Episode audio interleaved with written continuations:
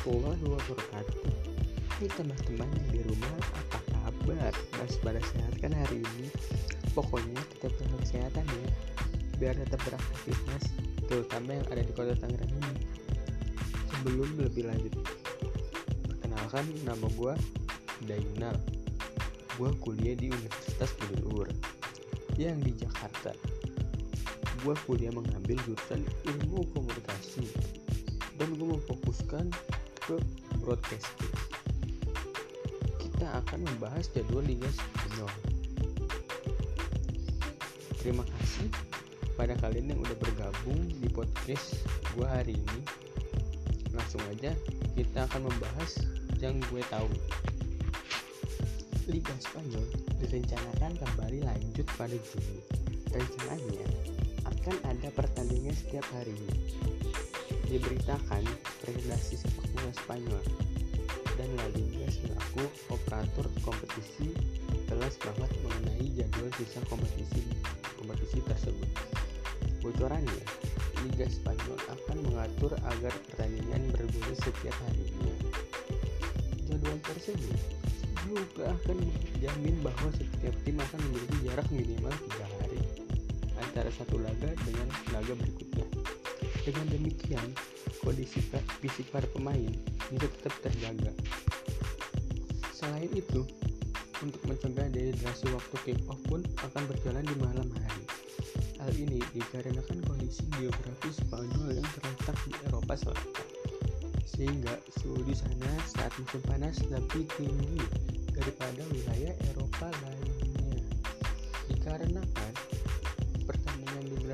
Spanyol Selatan akan dimulai pukul 23.00 sekitar jam 11 waktu setempat.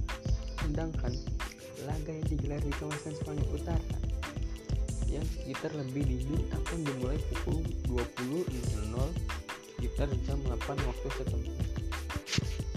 Dengan pengaturan jadwalnya, rencananya Liga Spanyol akan tuntas pada tanggal 29 Spanyol yang masih bisa bertahan di kompetisi antar klub Eropa bisa fokus ke Liga Champions atau Liga Eropa yang rencananya akan dilanjutkan pada bulan Agustus. Saat ini, klub-klub Spanyol sudah diperbolehkan kembali berlatih di markas klub mereka masing-masing, menyusul dilonggarkannya lockdown di negara tersebut sejak awal bulan ini. Nah, di SKFM di menit-menit akhir ini, gue ada tips nih buat anak-anak muda yang bingung mau latihan seperti apa supaya jago bermain sepak bolanya gue ada rekomendasi latihan supaya jago bermain sepak bola yang ampuh dan bermanfaat untuk anak muda. Caranya di pagi hari anak muda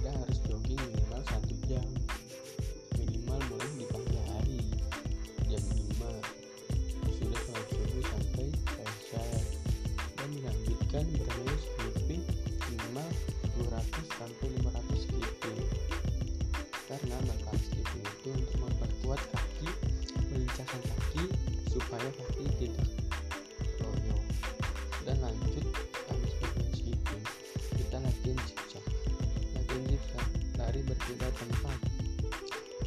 Manfaatnya zigzag untuk memperlincah gerakan tubuh supaya tidak kaku.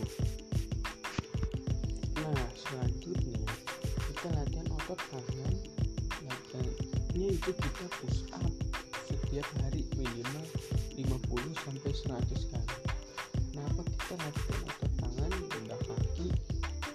Kan bermain sepak bola menggunakan kaki. Nah otot tangan berfungsi untuk menahan bodi lawan. Supaya tahan kita kuat saat body dan tidak lembek. Latihan terakhir adalah latihan passing dan dribbling. Teknik dasar kalau mencoba bermain bola harus bisa passing. Karena kalau tidak bisa passing anda tidak bisa mengoper bola dari satu pemain ke pemain lainnya. Kalau dribbling mengirim bola membawa bola dengan kaki menuju titik tertentu dengan dribbling seorang pemain bola bisa menghindari lawannya. Oke DSKP semuanya saya mengucapkan mengundurkan diri. Semoga anda semua senang. Mohon maaf bila banyak kata saya salah yang saya ucapkan. Harap maklum karena ini podcast pertama kali gue ya tidak bosannya untuk mengingatkan yang ingin tahu sepak bola lebih lanjut silahkan follow instagram gue Dainal Eskana yang gue tutup podcast ini. Semoga di lain hari kita ketemu. Wassalamualaikum warahmatullahi wabarakatuh